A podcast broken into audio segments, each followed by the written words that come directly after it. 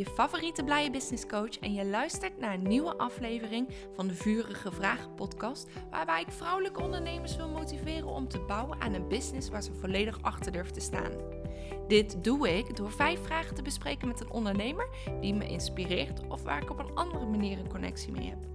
Naast dat ik als business coach mijn eigen bedrijf Adfire Coaching heb, werk ik ook nog als brandweervrouw. De vragen komen dan ook uit de grabbelhelm, mijn eigen oude brandweerhelm. Er klinkt de sirene als we door moeten naar de volgende melding, oftewel de volgende vraag. Want ik bedoel, je kunt wel heel veel met elkaar willen bespreken. Als je geen actie uitvoert, gebeurt er alsnog helemaal niks. Dus, let's go!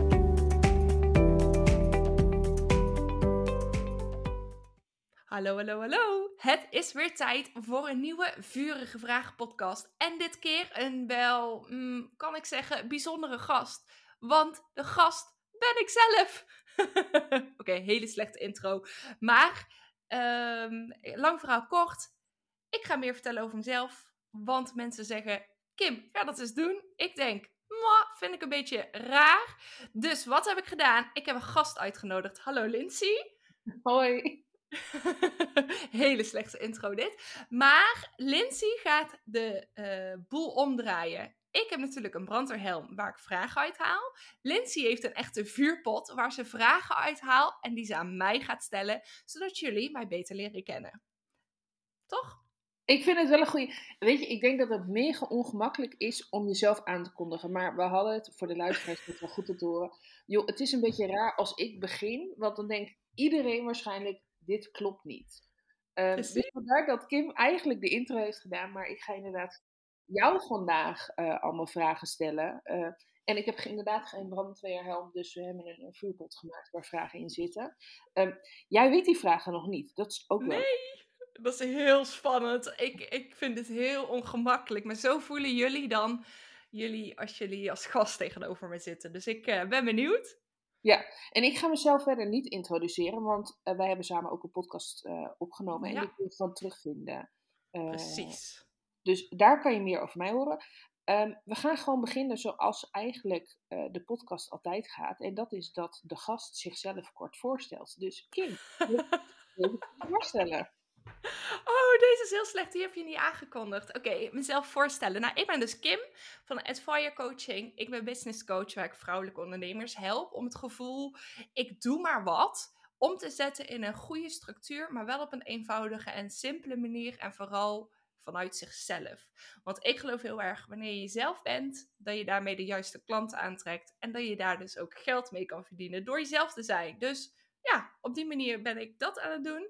Er komt ondertussen een kat door het beeld heen, want wij nemen dit op online, maar wel met video. Ja. Dus uh, ik was even afgeleid. Um, en daarnaast woon ik samen met mijn vriend in Vlijmen. Dat ligt naast een bos. En wij wonen heerlijk aan het rand van het bos waar we elke dag lekker wandelen met onze hond Olaf. Ik denk dat het een goede intro is. En we gaan het sowieso in de vragen veel meer over jou hebben daarin. Um, ben je klaar voor de allereerste vraag? ja, dat is zo spannend. Ja, nee, ik ben klaar. Oké, dan ga ik grabbelen. Um, oh. Zet jij de timer dan aan? Ja, precies. Ik ga nu start countdown inschakelen. Oké, okay, hij loopt. Oké. Oh, dit is gelijk een, dit is een goede openingsvraag. Oh jee. Waarom blije business coach? Oh, die is inderdaad een hele goeie. Nou, um, zoals ik net al zei, wanneer je vanuit jezelf onderneemt, geloof ik er heilig in dat jij aan kan trekken wie bij jou past. Uh, vroeger werd er altijd gezegd, Kim, Kimberly, zo heet ik eigenlijk, in plaats van Kim. Uh, Kimberly, doe eens niet zo blij, doe eens niet zo druk. Het werd altijd heel negatief bestempeld. Terwijl ik eigenlijk gewoon mezelf wil uiten en zijn wie ik wil zijn. Maar het was altijd zo ontzettend negatief, terwijl dat juist mijn energie is en ik daar heel erg ja, gelukkig van word als je jezelf mag zijn. Dus ehm, in het begin van mijn ondernemersreis, toen wilde ik heel erg zijn zoals de rest was. Dus dat wilde ik vroeger ook. Ik wilde niet blij zijn of druk of enthousiast of aanwezig. Um, maar ja, je, je moet gewoon heel erg volgens stramien leven. Je moet heel erg, doe maar normaal, want dan doe je al gek genoeg. En zo wilde ik als ondernemer ook zijn. En doordat ik als ondernemer ging doen wat een ander deed, eh, trok ik daar eigenlijk niemand mee aan. Want ik was een trucje aan het opvoeren wat helemaal niet past bij wie ik ben als persoon. Tot een half jaar geleden dat iemand tegen mij zei: Ja, maar Kim, je bent gewoon de blije business coach. Ga dat gewoon ownen. Ga dat gewoon doen. Ga zijn wie je bent. En ga dat uitstralen, want het past bij jou en daar, dan ben je overtuigend. En op dat moment ben ik dat met knikkende knieën gaan doen. Uh, ik voelde het wel, want ik had zoiets van: hoe leuk is het? Hé, hey, daar heb je Kim weer, de blij business coach. Uh, maar tegelijkertijd was ik heel erg bang voor die negativiteit. En die negativiteit van vroeger was gewoon echt helemaal niet leuk en vormt je tot wie je uiteindelijk wordt. Uh, maar doordat ik het wel ben gaan doen, kwamen er ineens klanten op mijn pad. Die gewoon aanklopten bij mij. Jouw energie spreekt me aan. Ik wil met jou samenwerken. En toen had ik zoiets van: oké, volgens mij heb ik de code gekraakt van het ondernemerschap. En de boodschap is dus heel duidelijk. Ben wie je bent. Doe wat je doet. En straal dat uit. En daarom noem ik mezelf de blije business coach. Want daarin wil ik uniek zijn. Of daarin wil ik laten zien wie ik ben. Ja, en wat mijn associatie, want voor mij ben je heel erg de blij business coach en niet zo. Het maakt je uniek, want je bent niet zomaar een business coach, maar je bent de blije mm business coach. Maar voor mij staat het ook heel erg um, gelijk aan dat ik bij jou moet zijn als ik fun wil hebben in mijn bedrijf. Dus dat gaat niet alleen, weet je, ik bedoel, um, er zijn heel veel uh, business coaches en um, het is net waar je behoefte ook aan hebt, bij wie je moet zijn. maar bij jou hebben we heel erg, waar gaat je hart van in de fik vliegen? En veel minder van, je moet gaan adverteren, je moet dit, je moet dat, je moet, de, weet je, al die strategieën. Um, Dus het zegt eigenlijk daarin voor mij ook heel duidelijk wat voor een business coach je bent. Zo heb ik hem zelf nog helemaal niet gezien. Ja, voor jezelf is dat altijd super moeilijk, hè, om die spiegel voor te houden. Maar nu jij dit zo vertelt, denk ik, ja, ja dat klopt. Uh, is, je moet bij mij al helemaal niks. Ja, je moet wel een beetje ervoor werken, want als je niks doet, gebeurt er ook geen rol. Dus je moet er wel iets aan doen. Maar wel op de manier die bij jou past. En een, uh, een met, oh, je moet 100k per jaar verdienen. Ja, ja, hartstikke leuk, dat wil iedereen. Maar is, maakt dat jou ook gelukkig? En maakt jou dat ook blij, om dan in de blije term te spreken? ja, oh ja, 100k. Ik vind 100k, uh, ik vind het zo'n lege uitspraak. Ik wil 100k per jaar verdienen. ja, uh, dat klopt. Hij, tenminste, hij zegt niks. En uh, klein zijsporretje, maar ik zit nu zelf in het 100k winstplan van Aranka van de Voorde. Ja. Um, en dan denk ik, 100k winst, dat is iets heel anders dan omzet natuurlijk. Maar ik denk 100k winst, oh, maar dan ben je gewoon dusdanig gegroeid ook. Um, want voor 100k winst moet je ook een, een, een bepaalde omzet hebben. En wat die omzet is, dat is natuurlijk afhankelijk van wat je kosten ook zijn. Precies. Um, dus dat draait al veel meer om, om jou. Is er veel minder lege doel. Want 100k is gewoon letterlijk 100k op je bankrekening krijgen. Um, en het is ook ontwikkeling om ergens naartoe te kunnen groeien. Je kunt wel een pijl neerzetten met zoveel omzet. Want natuurlijk doe ik dat ook. Hè. Wat is je omzetdoel dit jaar? En hoeveel wil je daaraan overhouden? En hoeveel, hoe ga je dat verdelen? En natuurlijk ben ik daarmee bezig voor mezelf, maar ook voor mijn klanten. Maar het is wel een doel om naartoe te werken. En de doel te kunnen bereiken met de acties die je uitvoert. En die acties die moeten bij jou passen. En niet kopieergedrag, zoals ik net al zei, van een ander. Want wat voor jou werkt, hoeft voor mij niet te werken. Dus het gaat heel erg op jouw individuele persoon. En als jij dit vertelt over 100k winstplan van Ar Ar Aranka. Aranka, sorry. Moeilijke naam. Uh, maar dan, dan ben je heel erg individueel bezig, maar krijg je wel even die schop onder de kont om ervoor te gaan. Om er naartoe te werken en om je doelen te kunnen behalen met de juiste handvaten. Ja. ja, maar ik denk dat het sowieso, uh, want even over, uh, over coaches sowieso wordt al heel veel gezegd. Laat staan ook over business coaches. Hoe kijk je ja. dat zelf tegenaan? Ja, vind ik heel lastig. Vind ik echt heel moeilijk. Want inderdaad, er zijn al zoveel coaches en, en sommige zijn heel erg negatief. En ik weet dat ik daar uh, dat ik dat echt wel mag negeren. En dat ik dat echt wel langs me neer mag leggen. Maar goed, van nature kan ik dat niet zo goed. Uh, recent zag ik negatieve berichten, voordat ik ging slapen, zag ik een negatieve bericht op Facebook staan. Dat iedereen het woord coach aan het uitkafferen was. En ook inderdaad specifiek business coach. En toen ging ik met zo'n rot gevoel slapen dat ik denk, Kim, waarom lees je dit überhaupt? En daar heb ik dan ook even mee gesproken uh, met een andere business coach. Van hey, dit doet het met mij. Hoe denk jij daarover? En zij zegt ook, ja, je moet dat gewoon echt niet willen lezen. Want er zijn gewoon mensen negatief. Uh, maar dat mag. Ze zijn over meerdere dingen negatief. Ze zijn misschien negatief over een persoon, misschien over een beroep, over ja, ja, lekker negatief willen zijn. Ik weet dat ik het kan en ik weet waarom ik het kan. En ik weet welke doelen ik zelf bereik. Maar ik weet ook welke doelen mijn klanten bereiken door mijn aanmoediging en door mijn support. En dat mag ik gewoon vasthouden. En ik weet waar ik over praat, want ik zit er dag en nacht, 24-7, zit ik hierin om alle informatie op te slurpen die ik maar kan vinden, maar wel op de manier die bij mij past. En om dat weer door te geven en jou aan te moedigen. En dat stukje aanmoediging, denk ik, dat het in mij als persoon zit. En dat dat helemaal niet, ja, dan mag, ik mag business coach heten, maar ik had mezelf ook adviseur kunnen noemen. Ik had me ook mentor kunnen noemen.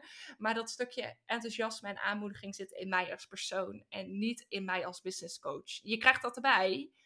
Ehm, maar het is gewoon heel lastig dat mensen zo negatief willen zijn. En ik moet me daar eigenlijk voor afsluiten. Ja, ik vind, ja, ik vind het altijd wel grappig hoor. Ik heb, heb ik een mening? Ja, natuurlijk. Je hebt overal ik heb overal mening over. Ik denk dat iedereen overal mening over heeft. Dat klinkt Natuurlijk, dat is ook natuurlijk. Um, maar mer ik, wat ik wel bij mezelf heb gemerkt, is ik heb um, in mijn opleiding een, een uh, specialisatie tot trainer en coach gedaan. Dus ik heb ook ja. echt de papieren ervoor. Maar ik zou mezelf nooit het willen noemen, omdat ik denk van ja, um, het is geen beschermd beroep. En dat vind ik soms wel ja. lastig. Dat ik denk van. Ja. Um, nou, je wordt onderbroken ik denk dat het wel lastig is om daar het onderscheid in te maken van ja, wanneer is iemand een goede business coach? En dat, ik denk dat de kritiek daar meer vandaan komt. Dat mensen weinig zicht hebben over, oké, wie verkoopt een luchtkasteel en wie uh, verkoopt daadwerkelijk iets wat, wat waar is. Ja, zeker. Ja, dat, dat is ook zo. En hoe ik daar zelf dan tegenaan kijk, kan ik echt nog uren over praten. Um, maar ik denk dat uiteindelijk reviews heel erg laten zien wie ik als persoon ben. En dat heeft ook tijd nodig om dat op te bouwen. Ik ben natuurlijk al twee jaar bezig. En nu begint het echt te lopen en te rollen en te gaan. En dat vuurtje begint steeds groter te worden. In plaats van een sneeuwbal die gaat rollen, is mijn vuurtje natuurlijk groter. Uh, maar dat komt puur omdat ik heb laten zien wat ik kan. En dat het geen lege luchtkastelen zijn. Alleen dat heeft wel heel veel doorzettingsvermogen nodig. En dat vind ik prima. Ja. Laten we um, naar de volgende vraag gaan. Zal ik de countdown alvast starten? Ja, laten we hem starten. Voordat ik, ik dat vergeet. Ik zit, dus ik zit natuurlijk in zo'n vuurpot. Koud vuur, dat is niet warm, toch? Daar kan je je klauwen niet aan branden. Als jij dat gelooft, dan. Uh... Dat weet ik nee, vuur, vuur, is toch altijd warm? Is toch altijd heet? Verbrand je toch ja, altijd aan? Ja, maar je hebt toch ook dat koud vuur? Of koud vuur. Is dat nou weer een illusie die ik uh, echt... Ik denk, ik denk dat het een illusie is. Maar ik weet dat een collega van mij ook luistert naar deze podcast. Dus hij zal vast mij uh, vertellen als wel koud vuur bestaat. En dan zal ik het je laten weten. dat is een goeie. Um, Oké, okay, volgende vraag. Op wie kan jij bouwen? Zo, wat een goede vraag. En bedoel je hem dan in het algemeen, in mijn leven? Of bedoel je hem echt specifiek op Adfire? Ik denk allebei. Ik geloof heel erg wel uh, in, je lijkt op de, um, uh, je lijkt het meest op de vijf mensen waar je het meest mee omgaat. Of nee, ik moet zeggen goed zeggen, je bent het gemiddelde van de vijf mensen waar je het meest mee omgaat. Daar geloof ik ja. heel erg in. Dus daar is het wel selectief om te kijken op wie je kan bouwen. Ja, op die manier. Nou, allereerst natuurlijk het meest op mijn vriend, denk ik. Ik denk dat hij op zijn manier mijn grootste supporter is. En hij probeert mij echt wel in alles aan te moedigen. En eigenlijk, uh, we hebben natuurlijk een tijdje financieel wat zwaarder gehad. Want ik, ik ging voor mezelf beginnen. En het begin is natuurlijk niet meteen een vetpot. En, uh, uh, maar, maar hij heeft altijd achter me gestaan. Dus dat is heel erg fijn om dat gevoel heel erg te hebben. En dat je ergens op terug kan vallen. En business-wise hebben we natuurlijk onze mastermind groep. Uh, daar zit jij uh, samen met mij in. En samen met ook natuurlijk nog Denise, uh, Francis en Suzanne, mijn schoonzus, is erbij gekomen. Nou, mijn schoonzus in het algemeen kan ik business-wise heel erg op bouwen. Uh, ja, en, en waarom? Ja, dat is natuurlijk ook weer een goede vraag. Ik vul hem even zelf in, hè? ja, denk je. Heel goed. Goede vervolgvraag. Uh, uh, ja, weet je, het is puur de aanmoediging. Als je even twijfelt over jezelf, of twijfelt over een idee, of even niet zo lekker in je vel zit. Want ja, de pieken en dalen, die hebben we heel erg als persoon zijnde. En, de motivatie van, hey Kim, het komt wel goed. Of even dat je je verhaal kwijt kan. Dat je even letterlijk vuur kan spuwen in welke situatie dan ook. En dat je daarna weer vol goede moed en goede energie vooruit kan. En dat is voor mij heel erg belangrijk op de mensen waarop ik kan bouwen. Dus zo'n mastermind groep is voor mij daarin heel erg waardevol. Omdat je in één klap meerdere mensen bereikt. Maar ook met meerdere inzichten weer verder kunt. Dus vandaar dat ik daarin uh, dat heel erg waardevol vind en op kan bouwen. En natuurlijk heb ik wel de mensen om me heen verzameld. Uh, zo heb ik een hele goede business buddy. Maar eigenlijk is dat een hele goede vriendin geworden, Wendy. En ook zij is heel nuchter, is heel simpel en zegt gewoon letterlijk: Kim, doe eens niet zo dom en ga er gewoon voor. Of wat loop je nou te zeiken? En dat is dan heel erg de nuchtere versie in mijn omgeving en in mijn kring. Dus als ik dat nodig heb, dan zoek ik dat heel erg bij haar. Waardoor ik weer echt verder kan bouwen, maar ook op haar kan bouwen. En zo heb je uh, vriendinnen die natuurlijk niks met het ondernemen te maken hebben, die wel heel erg supportive zijn van Oh, wat goed bezig. Lekker bezig. Ga zo door. Ook vind het heel erg leuk om naar jouw podcast te luisteren. Nou, dat geeft dus ook weer heel veel moed en energie om weer verder te gaan. En dat ze zeggen, ik vind het heel erg gezellig om jou bezig te zien en naar jouw verhalen te luisteren, ondanks dat ik er niks aan heb. Dus dat geeft mij wel weer zelfvertrouwen. En daar kun je dus ook weer op verder bouwen. En daar word je ook weer een beter persoon van of een sterker persoon van. Ehm, ja, dat denk ik je bouwt gewoon op de mensen die inderdaad dichtbij je staan. Dus je familie, je vrienden, maar ook de business buddies die zo van waarde zijn. Want je kunt bouwen op een coach of iemand op een professional die jou betaald verder wil helpen. Maar de buddies die je om je heen verzamelt, is daarin van waarde. Zodat je daarin ook weer mag groeien en kan groeien. En even die reet, even, eh, hoe zeg je dat, schop onder je reet kan krijgen en weer door kan gaan. Ja, ik heb nog. Ik zit te luisteren en denk, ja, maar ik, ik vind dat je een heel belangrijk iets vergeet. Maar dat komt misschien omdat ik te veel brandweerseries kijk. nee, ja. tenminste, want we hebben het hier nog niet echt over gehad. Dat je ook brandweervrouw bent bij de vrijwillige brandweer. Klopt. nou weet ik sinds kort dat de vrijwillige brandweer geen vrijwilligerswerk is. Maar dat het meer gaat dat je niet de 24 uursdiensten draait die eigenlijk ehm, het meest bekend zijn. Ja, klopt. Ja. Um, maar heb je dan ook niet altijd een brandweerfamilie waar je op kan bouwen? Ja, jawel, zeker. Ja, en zo, zo heb je met sommigen wat meer dan met anderen. We zijn een club, bij ons in Vlijmen zijn we met een club van 30 man. Uh, nou ja, 26 man en vier vrouwen. we zijn met vier vrouwen. En uh, dat is eigenlijk al een verbindenis dat je met vrouwen dit samen doet. Want je bent zo'n klein clubje. En de brandweerfamilie daarin is gewoon heel erg, uh, heel erg fijn. Uh, en met de ene collega kun je heel goed, en met de andere heb je helemaal niks. Maar degene waar je wel mee kan, die zullen altijd vragen: hoe gaat het? En kan ik het voor je doen? Of heb je alles hier aan gedacht? Of heb je daaraan gedacht? En dat is wel echt super fijn om, om te hebben. Maar ook even heel je business los te laten. En op een maandagavond een vrachtwagen open te knippen. En dan echt te kijken naar techniek. En dan sta je met zo'n mega grote schaar. Je kent hem vast van de brandweerseries. dat je op een maandagavond zo'n vrachtwagen aan het openknippen bent. En dat je helemaal niet bezig bent met strategie over hoe moet ik klanten binnenhalen of hoe moet ik mijn geld verdienen. Nee, je staat gewoon met oké, we gaan oefenen. Wat doet die vrachtwagen als ik deze handeling uitvoer? Oh, dit is niet handig, dus we moeten het anders doen. Zodat in de praktijk, wanneer je eventueel op een ongeval uitkomt, dat je weet hoe het moet. En ik denk dat die balans voor mij heel erg fijn is om echt te kunnen bouwen op mezelf. Want ik krijg daar natuurlijk zelfvertrouwen van. Als jij. Uh, van de week moest ik met een, uh, een ehm, weet ik veel, een gatenmaker boormachine. Ik weet niet eens hoe het heet. Moest ik een gat maken in zo'n auto. En toen dacht ik, ik heb dit nog nooit van mijn leven gedaan. Of een boom omzagen. Nog nooit in mijn leven gedaan. En ineens ga je leren hoe jij een kettingzaag moet starten. En hoe je een boom moet zagen. Ja, het is eigenlijk hilarisch. Maar het is tegelijkertijd ook weer fijn. Want je, je, de, de evenwicht is daarin heel erg goed en in balans. Maar zou je dat niet elke ondernemer willen aanraden? Dat er, die, niet dat ze allemaal per se bij de brandweer moeten. Ehm, maar dat er iets is naast je bedrijf, wat, wat zorgt dat je helemaal uit je bedrijf kan stappen. Ja, zeker wel. Zeker wel. Een hobby hebben naast of een werkzaamheden of vrijwilligerswerk of hoe je het ook maar wil noemen. Het is zo belangrijk om even echt 100% te kunnen afschakelen. Op dat moment dat ik zo'n oefening heb, gaat mijn telefoon in mijn kluisje en ik kijk twee uur lang niet op mijn telefoon. Terwijl thuis kijk ik altijd, oh, stuurt iemand een berichtje op Instagram. Oh, ik heb een mailtje. Oh, ik krijg een WhatsApp van een klant. Ben je er heel tijd mee bezig. En doordat je juist zo afschakelt.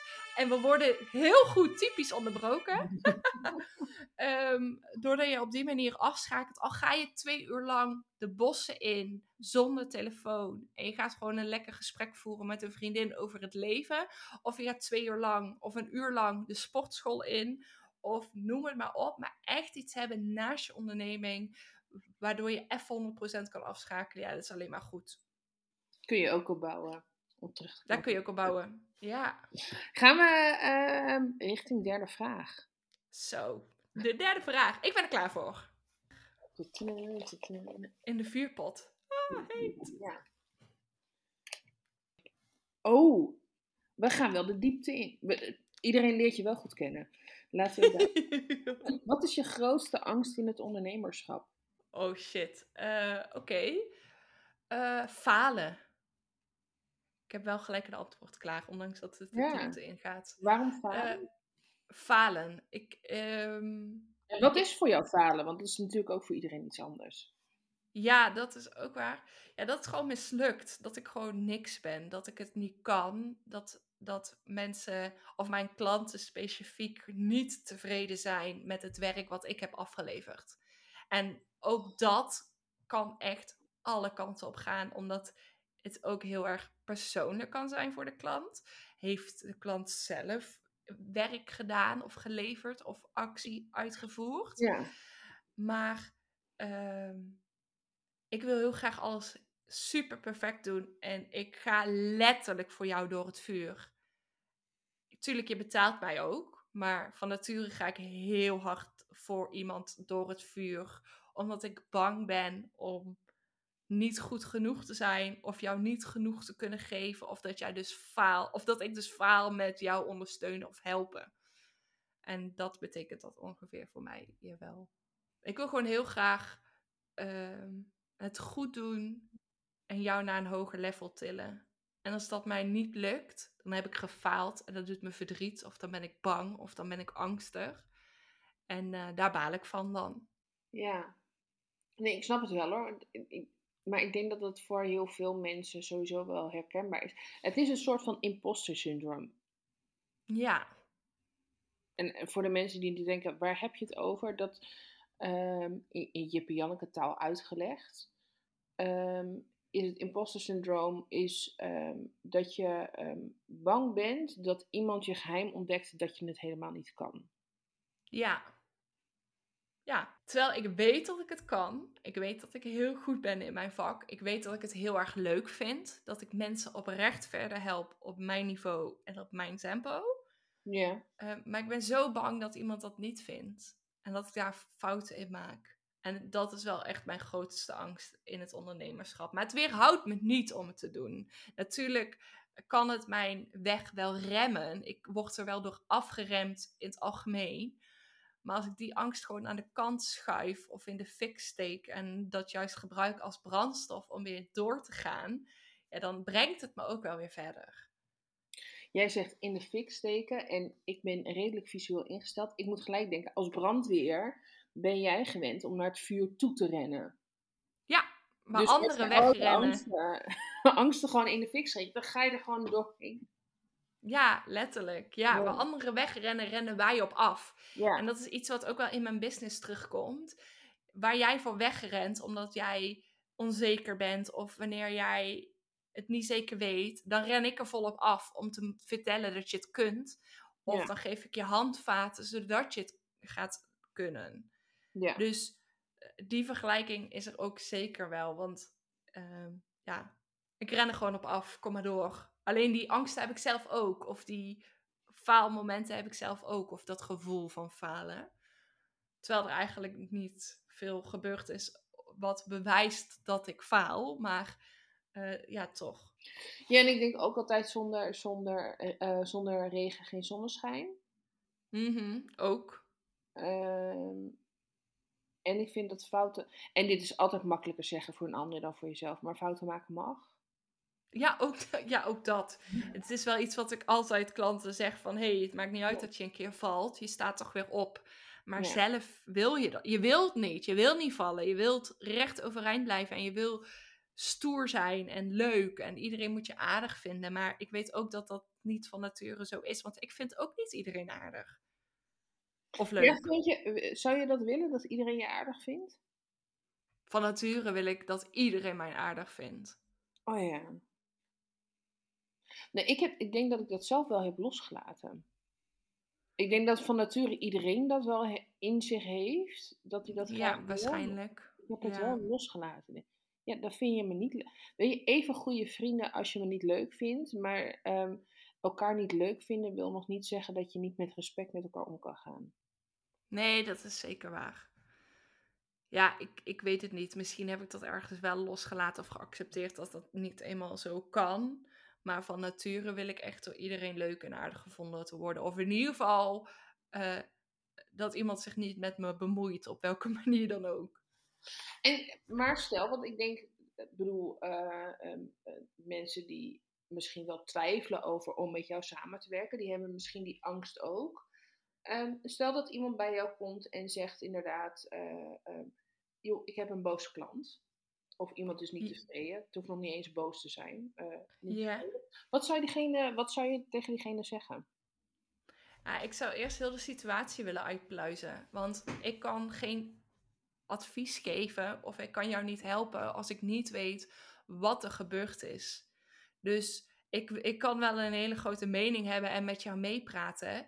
Maar ik denk niet dat dat mijn taak is als coach om met jou mee te praten. Ik wil eerst echt heel de situatie weten van, eh, bij wijze van spreken, van beide kanten. Van, maar wat is er gebeurd? Wat is het gevolg? Actie, gevolg. Nee, oorzaak, gevolg. Oorzaak, gevolg. Aanleiding, dat is aanleiding, aanleiding, aanleiding, toch? Ja, aanleiding, gevolg. Oorzaak, gevolg komt volgens mij allebei.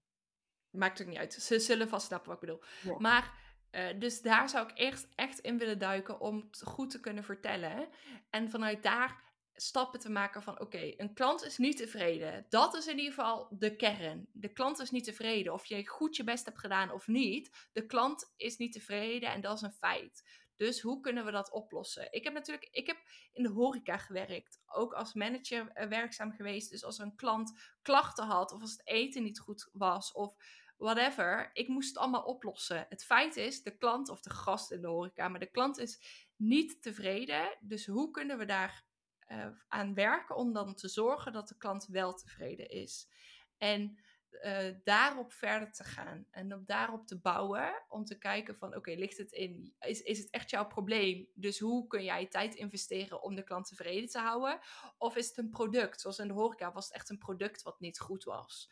Dus dan kon ik daar actie op ondernemen. Of dan zou ik daar actie op gaan ondernemen. Als jij tassen verkoopt en de tas is binnen een week kapot gegaan, is jouw klant niet tevreden. Hoe kun je oplossen dat dat dan wel zo lukt? Een nieuwe tas opsturen, maar heeft de klant dan nog steeds vertrouwen? Ja of nee?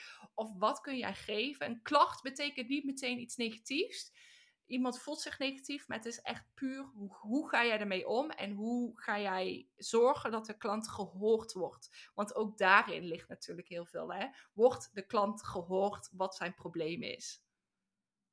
Ja, en uh, ik denk dat dat sowieso goed is. Uh, om, om dat iedereen dat in zijn oren knapt. Dat een klant niet tevreden is, wil helemaal niks zeggen over jou. Nee, precies. Nee, helemaal niks over jou. Zo, ik ging er meedoen. ik ging meedoen met de sirene. Nee, precies. Dat, heeft helemaal daar niks mee te maken. En, um, of misschien wel, als jij heel lelijk hebt gedaan, dan is het logisch dat je klant uh, niet tevreden is. Maar wat is de oorzaak geweest waarom jij lelijk ging doen? Zit je niet lekker in je vel? Heeft de klant een rotopmerking gemaakt? Dus die onderzoek is echt wel belangrijk om te maar weten. Dan, dan, ja, maar dan zegt het nog steeds niks over jou. Dan zegt het dat je ehm, niet handig in een situatie bent geweest. Maar het zegt niet Mhm. dat je niet goed genoeg bent. Of dat, want meestal trekken we het Ja. op die manier op ons. Van, oké, ik ben gewoon een slecht mens, want... Ja. Eh, ehm, terwijl als je dat... Als je beste vriendin met dat verhaal zou aankomen, zou je ook niet zeggen dat het zo was. Nee, precies. Goeie afsluiting. Ben je eh, klaar voor de volgende vraag? Ja, let's go! Nu niet zo'n diepgaande vraag, toch? Dat weet ik niet. ik weet niet eh, wat voor vraag er voorbij komt. Ik ook niet. Ik zet de countdown weer aan. Zo. Ja. ik denk dat deze wel meevalt hoe diep die is. Hij is wel heel grappig. Tenminste, ik vind het zelf heel grappig. Sorry. Eh, wanneer ben je licht onvlambaar? Ehm, Ik heb mijn best gedaan om in het vuur te blijven qua vraagstelling. Ja, ik vind hem heel leuk, want je kunt hem ook heel breed in, interpreteren. Ja. Wanneer ben ik licht onverlambaar? Ja, als ik niet geslapen heb, of als ik slecht geslapen heb, of als ik zwaar overprikkeld ben. Ehm, ik ben hoogsensitief, wat betekent dat ik heel veel emoties oppak, maar ook echt alles door heb wat er om me heen gebeurt. Dus op een live dag zit ik met mijn klant in een restaurant. En laatst vroeg iemand aan mij, hè, maar is dat dan niet heel veel prikkels? Ja, dat is eigenlijk heel veel prikkels, want ik zie alles, maar ik probeer zo te gaan zitten dat ik niks anders zie dan mijn klant. En ik kan me dan heel erg focussen op jou. En, maar ik hoef niet na te denken over wanneer we moeten drinken of wanneer we moeten eten of hoe het allemaal gaat. Want zo'n serveerster komt vanzelf aan tafel. Wil je nog iets drinken? Ehm, dus als ik heel erg overprikkeld ben, dan ben ik echt wel licht ontvlambaar, al wel niet zwaar ontvlambaar. Maar ik probeer in mijn dagelijkse ritme, in mijn werk, maar ook privé heel erg een planning aan te houden of ritme aan te houden. Dat ik dus voldoende slaap of voldoende rustmomenten inbouw. Of dat ik niet zes sessies achter elkaar plak. Want ondanks dat het me energie geeft, kost het natuurlijk wel veel denkwerk, veel praatwerk. En eh, je wil creatief blijven. En ik, ik wil jou echt alles geven wat in me zit.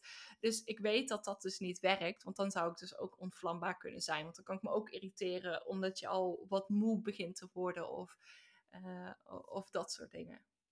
En ehm, ik, vind het, ik vind het heel grappig, want het zegt veel over jou. Je trekt dit heel erg op jezelf. Maar is er bepaal, ook bepaald ehm, gedrag van anderen wat ervoor zorgt dat je licht ontvlambaar wordt? Eh, ja, ja, ik betrek hem inderdaad op mezelf, want zelfreflectie is heel erg belangrijk. Ehm, ja, eh, eh, ben je bekend met de DISC-methode? Dat je vier verschillende karaktereigenschappen hebt, vier verschillende kleuren, voorkeur voor een kleur, eh, wat heel erg over jouw karakter iets vertelt. Dus je hebt bijvoorbeeld rood, en rood is heel dominant. Eh, geel is heel creatief. En groen is wat introverter en heel erg op jezelf, maar ook daarin creatief. En blauw is, oh, wat was het ook alweer? Moet ik even denken hoor. Blauw is introvert, maar ook wel heel erg het leiderschap eh, tonen. Ja. Eh, maar met rode mensen die dus heel dominant zijn, die zitten heel snel in mijn allergie. Niet altijd hoor, zeker niet altijd. Maar dominante mensen die zijn heel erg overheersend. En daar word ik heel klein van. Of daar word ik heel erg onzeker van. Dus ik ben me wel heel erg bewust. Oké, dit is een rood persoon. Dus ik moet letten op mijn eigen gedrag. Ja. Of mijn eigen eh, reactie daarop.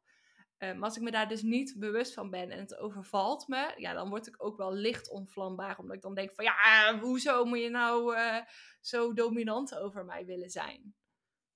Ja, maar heeft dat dan ook niet ehm, ermee te maken dat je het nodig hebt om. ehm, dat je het lastig vindt als iemand anders de ruimte inneemt? Nee, jij mag van mij ook de ruimte innemen. Mijn klanten mogen ook de ruimte innemen, want het gaat op dat moment over die persoon. Ja. Eh, dus nee, het is niet dat iemand de ruimte inneemt. eh, maar het is echt wel het overheersende in een hele bijzondere spiraal of zo. Heel erg willen bepalen of de situatie willen bepalen. En in sommige situaties kan ik dat prima handelen. Maar soms dan denk ik ook, wow, dit is echt too much. Eh, even een beetje rustig, want uh, dit kost mij heel veel energie. Of je bent heel direct. Wanneer iemand heel direct tegen mij praat, dan betrek ik het wel heel erg op mijn persoonlijkheid. En daar word ik onzeker van. En dat werkt niet zo goed samen.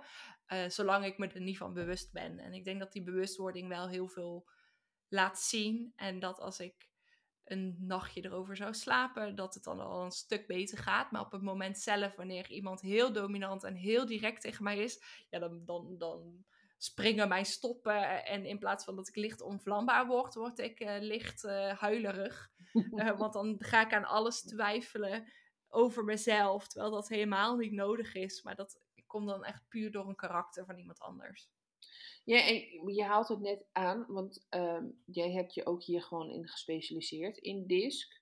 Is dat iets wat ook terugkomt in, uh, als iemand een traject bij jou volgt? Uh, ja, het kan. Het is een optie die in het traject erbij zit. Jij kunt een heel DISC-analyse, die kan ik met jou uitvoeren en ik kan die met jou bespreken. Uh, en ik zeg bewust toevoeging, want niet iedereen vindt dat fijn of vindt dat nodig. En het kost natuurlijk ook geld, omdat ik ook die DISC analyse moet aanvragen bij een organisatie. En dat, dat, dat kost natuurlijk gewoon geld. Dus vandaar dat het een extra optie is. Daarentegen is het een handleiding over jezelf. En natuurlijk staat het niet zwart op wit. Ja, het staat wel zwart op wit, want het is een handleiding. Maar het is niet dat het echt leidend is, zo'n analyse over jezelf. Uh, maar het geeft heel veel inzichten. Oké, wie ben ik als persoon en waarom reageer ik zo op welke situatie? Ben je introvert, dan ben je een heel ander persoon en dan moet jij, of dan zal jij niet veel energie krijgen om dagenlang alleen maar op een groot podium te staan. Dus dat zou jou veel energie kosten. Je kunt het wel leuk vinden, maar het kost je waarschijnlijk veel energie.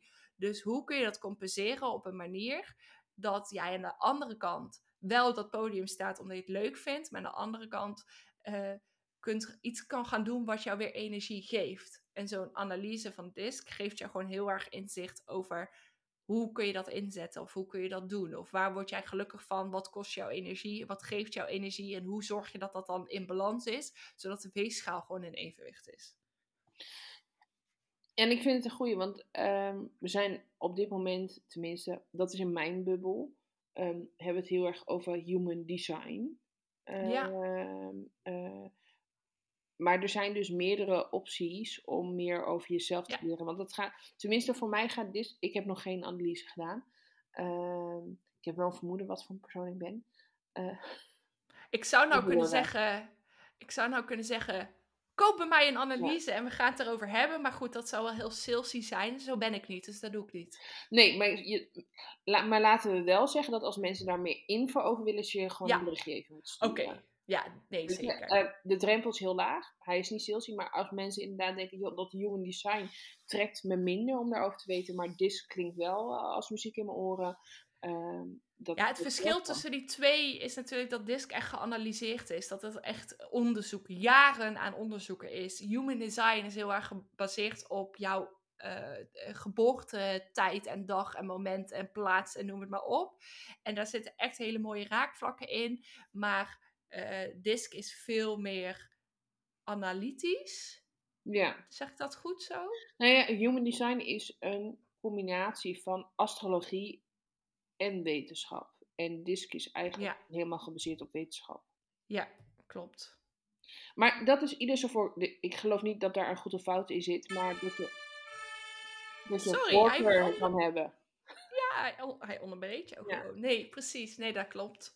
Ja, dus uh, hebben we toch een klein beetje. Nee, maar ik vind dat dit soort dingen echt, lieve mensen, als je meer over jezelf wil leren kennen en dat je denkt van, oh, hier wil ik meer over weten, dan uh, moet dat gewoon mogen en kunnen.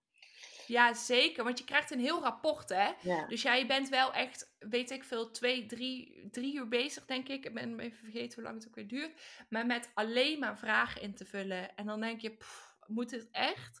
Maar de tekst die jij terugkrijgt, zal waarschijnlijk 80% dat je denkt van, wow, oké. En dan bespreek je hem nog eens met elkaar. En dan valt alles op zijn plek. Ja. Dus wees welkom. Ja. Uh, we gaan uh, de volgende vraag doen. Ja, volgens mij is dat de laatste, hè? Nou, dat ligt eraan, want ik heb um, voorafgesteld voor de luisteraars, als er een bepaalde vraag niet inkomt, dan komt er nog een bonusvraag. Oeh, zo Nog deze, spannend. hier wil ik het antwoord sowieso op weten. Maar we gaan eerst om te kijken of die vanzelf naar voren komt. Oh, dat is goed. Dus gaan we. Yes. Wow, wat gaat het zijn? Wat gaat het zijn? Oh, we krijgen in ieder geval nog een bonusvraag. Oeh. Is- Jij vindt het dan nu al helemaal leuk. Oh, ja, want ik weet dat jij hem niet leuk gaat vinden. Eh, maar eerst deze vraag. Laten we beginnen. Heb je de timer ook lopen? Ja, ik heb de timer ook lopen. Waar ga je van in de fik? Ik vind hem wel leuk. We hebben net wat, wat maakt dat je licht onvlambaar bent. En dan hebben we nu. Waar, waar word je heel erg blij van? Van hele leuke klanten. En klanten die, eh, die ergens voor willen gaan. En doorbraken meemaken. Daar word ik heel erg blij van. Want dat betekent dat ze groeien op zowel persoonlijk vlak als zakelijk vlak. En zeker wanneer dat in elkaar valt en de puzzelstukjes in elkaar vallen. Ja, daar word ik zo ontzettend blij van. En daar ga ik wel echt van in de fik. Waar ik ook van in de fik ga, maar dat mag ik eigenlijk niet hardop zeggen, is van een leuke brand. En dat ik die mag blussen. Dat vind ik ook vet cool. Dus zo'n oefencentrum, daar steken ze echt dingen in de fik. Dus eens per jaar ga je met je eigen korps naar zo'n oefencentrum toe. Ja, daar word ik ook echt laaiend enthousiast van. Hoor je? Eh, nee, daar, daar word ik ook echt letterlijk... Maar dan ga je op zoek naar de brand. En wanneer je dus de brand blust, dan voel je jezelf echt wel stoer. En dat klinkt heel gek om te zeggen, want vuur Ja, is natuurlijk... in- ja, vuur is natuurlijk, en daar ben ik me echt wel van bewust, vuur is natuurlijk echt niet leuk. Een woningbrand is ook echt niet leuk. En is ook echt niet fijn. En een situatie waar paniek is, is ook helemaal niet leuk en helemaal niet fijn. En ik mag daar eigenlijk ook helemaal niks... Wij mogen daar ook echt niks van zeggen van, oh leuk, we gaan iets doen. Eh, maar je wordt zo hard getraind en je gaat mensen helpen. En dat wil ik in mijn hele werk of leven doen eigenlijk. Ik wil anderen helpen. En of dat dan op het gebied van brandweer is, of op het gebied van business coach, of op het gebied van Kim. Ik wil anderen helpen. Ik wil er zijn voor een ander. Ja, en ik zit te denken, jij zegt van eigenlijk mag ik niet zeggen, maar ik vind het leuk als er brand. Maar ik denk dat het niet. ehm, ik denk niet dat het de brand is die het leuk maakt. Ik denk dat het leuk maakt dat je de kans krijgt om mensen te helpen. Ja, dat is zeker waar. Dat is zo'n politiek correct antwoord, maar ik denk oprecht. Ik bedoel, jij houdt helemaal, je bent geen pyromaatje dat stiekem in je tuin eh Nee. eh, gaat zitten stoken omdat je zo van brand houdt. Nee, het gaat echt om mensen helpen. Het gaat echt om mensen helpen om situaties veilig te maken. Ehm, en iets te kunnen betekenen voor de maatschappij ook, hè. Want het is wel een spannend beroep wat niet zomaar iedereen doet of kan. En het is ook echt heel spannend soms. Want mijn allereerste brand, waarbij ik wist dat ik mocht gaan blussen. Eh, en je rijdt met prio 1, dus met zwaailicht en sirene midden in de nacht naar een brand toe. Nou, je hart klopt echt in je keel en het doet heel veel met je. Ehm, maar je zorgt wel dat de rest niet uitbrandt. En je zorgt wel ervoor dat de situatie veilig is voor iedereen. En als team ga je in actie om een ander te helpen. En dat is wel echt, ja, dat vind ik heel tof. Ik weet niet of jij de podcast Napleiten eh, kent. Nee. Eh, Nee. Eh, aanradertje.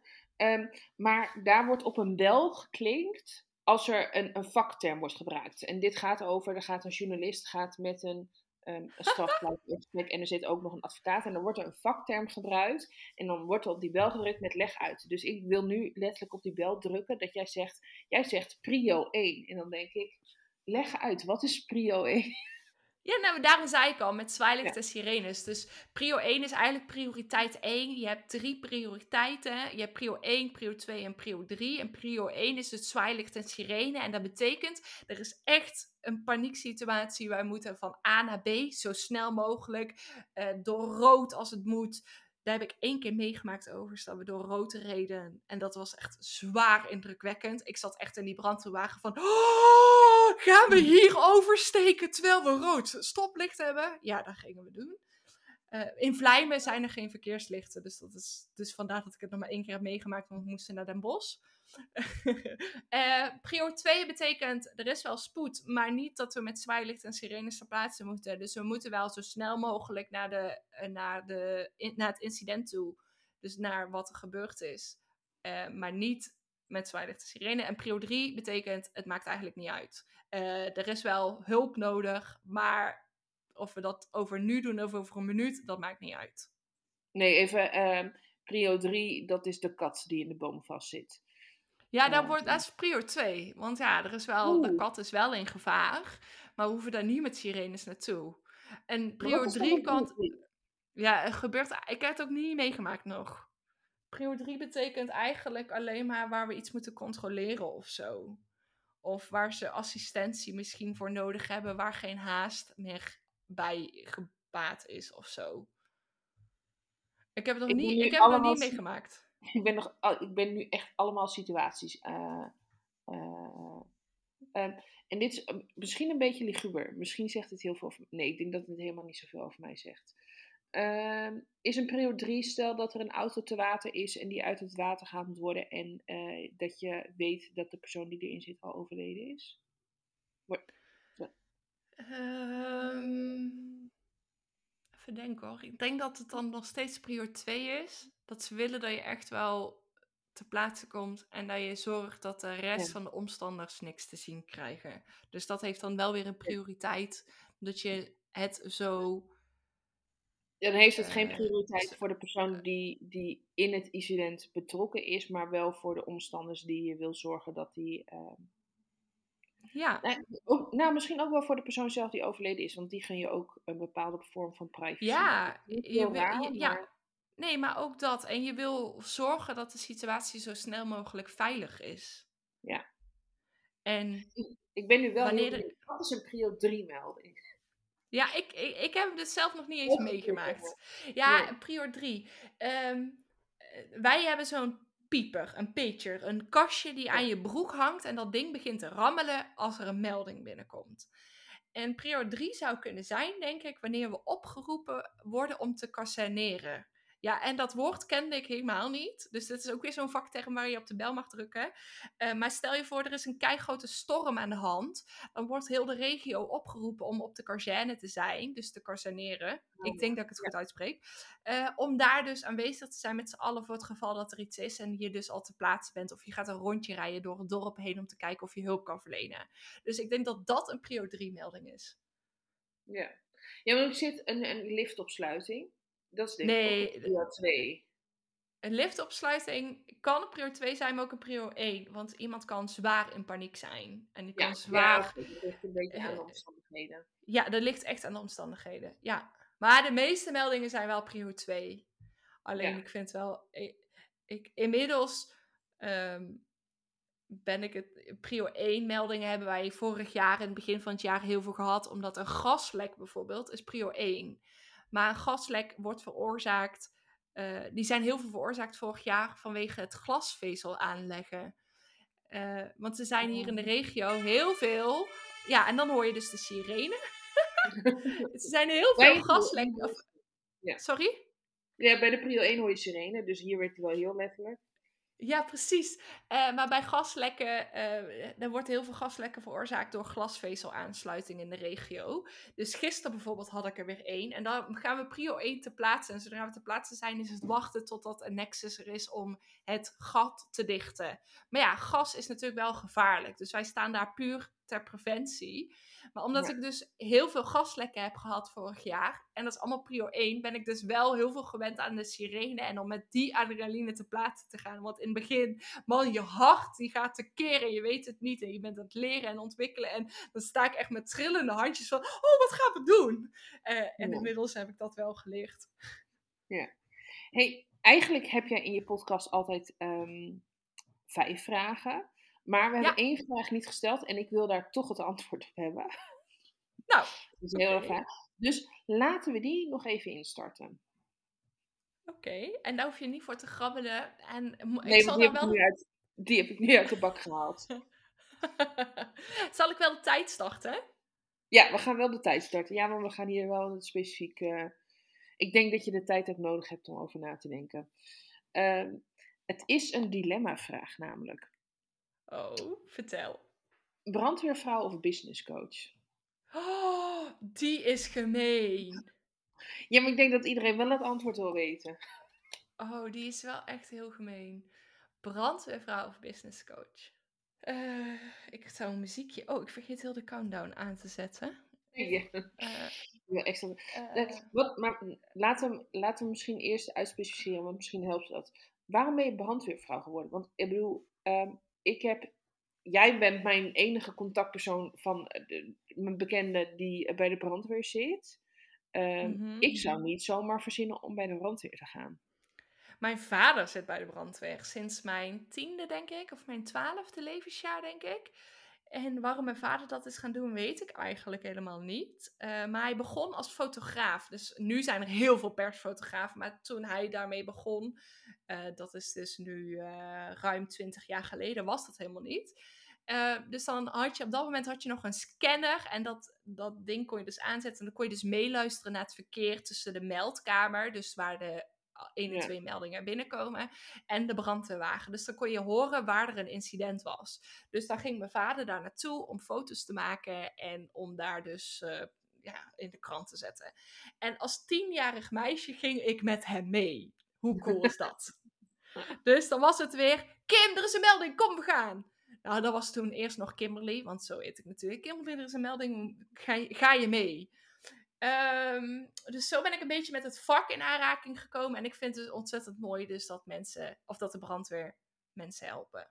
Maar een ambulance is heel erg op de medische. Een politie is in het algemeen ook met boeven vangen. En de brandweer is dus eigenlijk een beetje de actie. En dat zul je misschien herkennen op zo'n zo'n uh, um, serie, een brandweerserie, wordt er gezegd: brandweermannen zijn helden die worden echt onthaald en daar wordt alles van geaccepteerd. Nou, dat gevoel had ik dus ook heel erg. Ehm, ik wijk af van het antwoord. Maar, en nou gaat mijn printer onder... Mijn printer gaat ondertussen geluid maken, heel top. Maar um, dus op die manier ben ik dus in aanraking gekomen met de brandweer. En mijn vader die had toen gesolliciteerd en die werd uiteindelijk aangenomen. En die is dus 20 jaar geleden als brandweerman begonnen. Die heeft zijn opleiding gevolgd. En als meisje van 12, 13, 14 heb ik dat allemaal van dichtbij meegemaakt. En ik vond het zo ontzettend cool. En ik ben daarbij ook uh, slachtoffer geweest. Dat klinkt heel zwaar, maar bij oefenavonden moesten ze iemand redden. Dus dan gingen ze een kerk in en dan lag ik op de bovenste verdieping en dan moesten ze me naar beneden tillen bijvoorbeeld. Of uh, een auto die opengeknipt moest worden, deed ik alsof ik de bestuurder was. Dus ik ging elke dinsdagavond mee als figurant tijdens de oefeningen, waarin ik dus van heel dichtbij mee heb gekregen hoe ze getraind werden. En ja, ik denk dat daarmee mijn eigen vlam is aangewakkerd. Oké, dus dan. En daar, ja. Ja, en als je nu, wat een beetje de tijd, business coach, waarom ben je, ik bedoel, uh, ondernemer kunnen we in, in 400 soorten beroepen. Uh, waarom business coach? Zal ik jou heel eerlijk vertellen dat ik niet weet waarom business coach? Nee, ik heb echt geen idee. Um, ik denk dat ik gewoon op een dag wakker werd en dacht: ik wil iets doen. Ik wil voor mezelf starten. En eh, ik vind het wereldje van ondernemen echt fantastisch. Ik heb in de HR gewerkt, waarin je dus heel erg dus het, uh, de loopbaanregels meekreeg. En waar ik heel erg op dat stukje loopbaan zat. Maar ik liep in loopbaan zelf altijd tegen de lamp tegen de muur op. Want Kim, doe maar, gek, uh, doe maar normaal, want je doet al gek genoeg. Werken in de zesde versnelling is helemaal niet nodig. In de derde is goed genoeg. En je bent echt een uitslover omdat je in de zesde werkt. Terwijl van nature ik gewoon graag hard werk en mijn ding doe. En graag creatief bezig ben.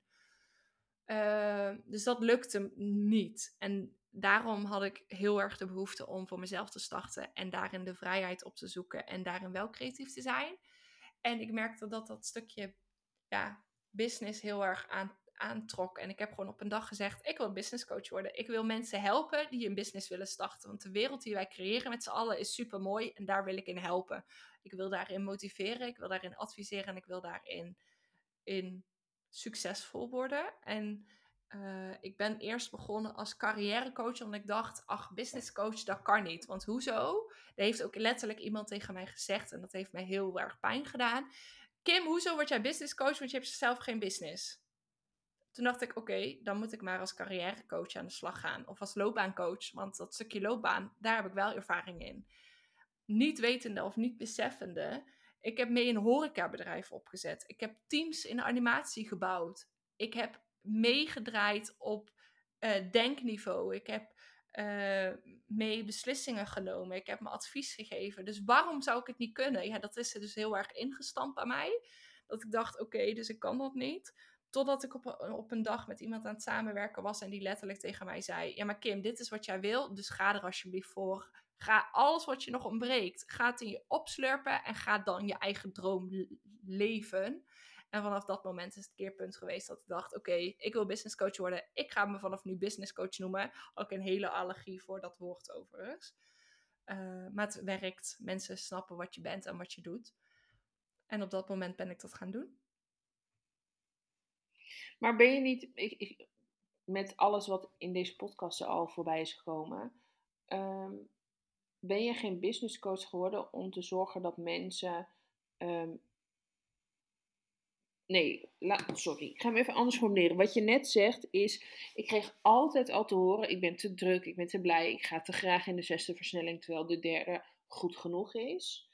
Um, is dat niet iets waarom je juist business coach bent geworden? Om te zorgen dat mensen in de zesde, vijfde, achtste net wat hun versnelling is waar ze fijn op gaan. Uh, om te zeggen dat die versnelling ook oké is. Ja. Precies, dat eigenlijk. Ik kan, kan, er echt niks aan toevoegen, want dat klopt wel. Ik heb het dan wel in de vorm gegoten van business. En niet, want ik had ook lifestyle kunnen zijn of leven op je eigen manier. Maar voor mij is een doel wel heel erg belangrijk. En, uh, uh, dus ik denk dat daarom de, het stukje business aangekoppeld is. Maar wel heel erg op persoonlijke. En doe alsjeblieft je eigen leven leiden. Ja. Nou hebben we alleen nog het dilemma niet beantwoord. Ja, dat is echt zo oneerlijk. Uh, de combinatie maakt mij mij. En de combinatie zorgt ervoor dat ik het ene moment uh, bij een gaslek sta, zoals gisterochtend. En het andere moment een coachcall heb waarin ik iemand echt verder kan helpen.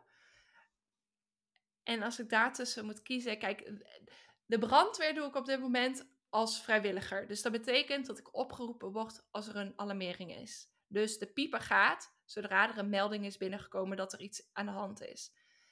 Business coaching doe ik voor mijn beroep. Dus daar verdien ik mijn geld mee. Daarmee ben ik echt 24-7, ja, iets korter, vier, vijf dagen in de week in principe, mee bezig. Dus het is echt logischerwijs dat ik zeg, ik ga voor business coach. Want daar focus ik me op en dat is mijn hoofdberoep.